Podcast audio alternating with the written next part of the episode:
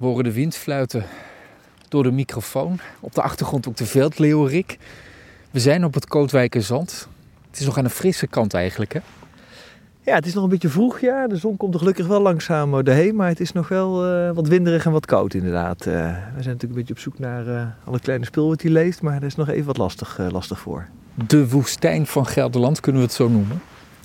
Ja, zo wordt het wel genoemd natuurlijk. Hè. Het is natuurlijk wat dat betreft het grootste zandverstuivingscomplex wat we in Nederland hebben. Hè. Wordt ook wel gezegd West-Europa. Best wel een heel bijzonder gebied natuurlijk, hè. zo'n 700 hectare groot. Het is niet alleen maar open zand wat mensen wel eens denken, maar het bestaat natuurlijk uit, uit stukken met mossen en grassen, ook stukken met heide, overgangen naar bos. Maar wel een heel bijzonder stuk met een heel bijzonder klimaat ook, wat je wel een beetje kunt eh, vergelijken met een woestijn ook, ja. Want het wordt weer heel warm en ook heel koud. Ja, wat dat betreft kan het hier inderdaad, uh, het valt nu nog mee, maar ik denk als wij straks wat, wat verder in, in de ochtend zijn, dat we ook alweer uh, de zweetdroppels op het voorhoofd hebben staan. Want de temperatuur loopt snel op inderdaad en s'nachts kan het echt ook tot het nulpunt dalen. Dus echt die, die woestijn, uh, ja, temperatuurschommelingen eigenlijk. En dan zie je ook dat de soorten die hier leven daar ook wel allemaal hun manier op hebben gevonden om, om zich daarop aan te passen eigenlijk. Ik zei net al, we horen de veldleeuwerikken op de achtergrond. Maar verder zien we niet zo heel veel. Hè? Hoeveel leven zit hier nou in zo'n zo'n kaal stuk landschap? Wat dat betreft is het, is, een heel bijzonder stukje natuur waar we in Nederland niet heel veel van hebben. Uh, en de soorten die hier leven zijn ook super zeldzaam en vaak uh, ook rode lijstsoorten die soms ook wel ernstig bedreigd zijn ook.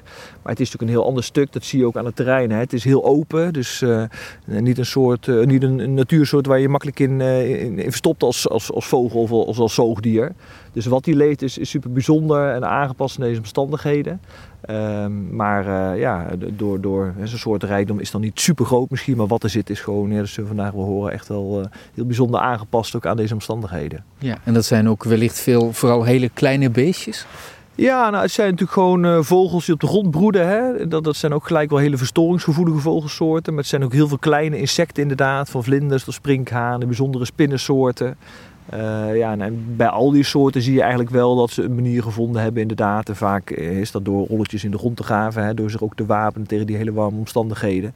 Uh, en sommige rupsoorten die zitten gewoon overdag onder de grond en, en eten alleen s'avonds en s'nachts als het koeler is van de vlinders. Hè. Dus wat dat betreft zie je wel allerlei aanpassingen, ook bij planten.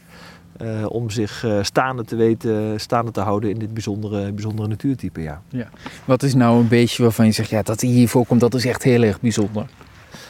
Ja, de kleine heivlinder, hè, dat is het gebied waar we nu een beetje in zitten. De kleine heivlinder is echt, echt de, de, de enige plek waar hij nog voorkomt, is het Kootwijkerzand. Het is wel een soort die ontzettend onder druk staat en echt ernstig bedreigd is. We hebben natuurlijk uh, 2018, 19 hè, een hele droge periode gehad. Het is ook een periode geweest dat we een soort noodmaatregel uh, hebben aangewend om, om die soort maar te behouden voor dit gebied. We hebben een soort nectarkroegen aangelegd, speciekuipen met erin bloeiende planten, zodat die soort nectar kon vinden, omdat alle hei was uitgedroogd eigenlijk. Een soort voedselbank. Ja, een soort voedselbank inderdaad om, dat dier maar, om die vlinder maar in dit gebied te houden. Want als hij gaat zwerven het Kootwijkerzand uit, daar, vindt hij helemaal geen soortgenoten om voor te planten. Hè? Dus dan is hij helemaal gedoemd uh, uit te sterven.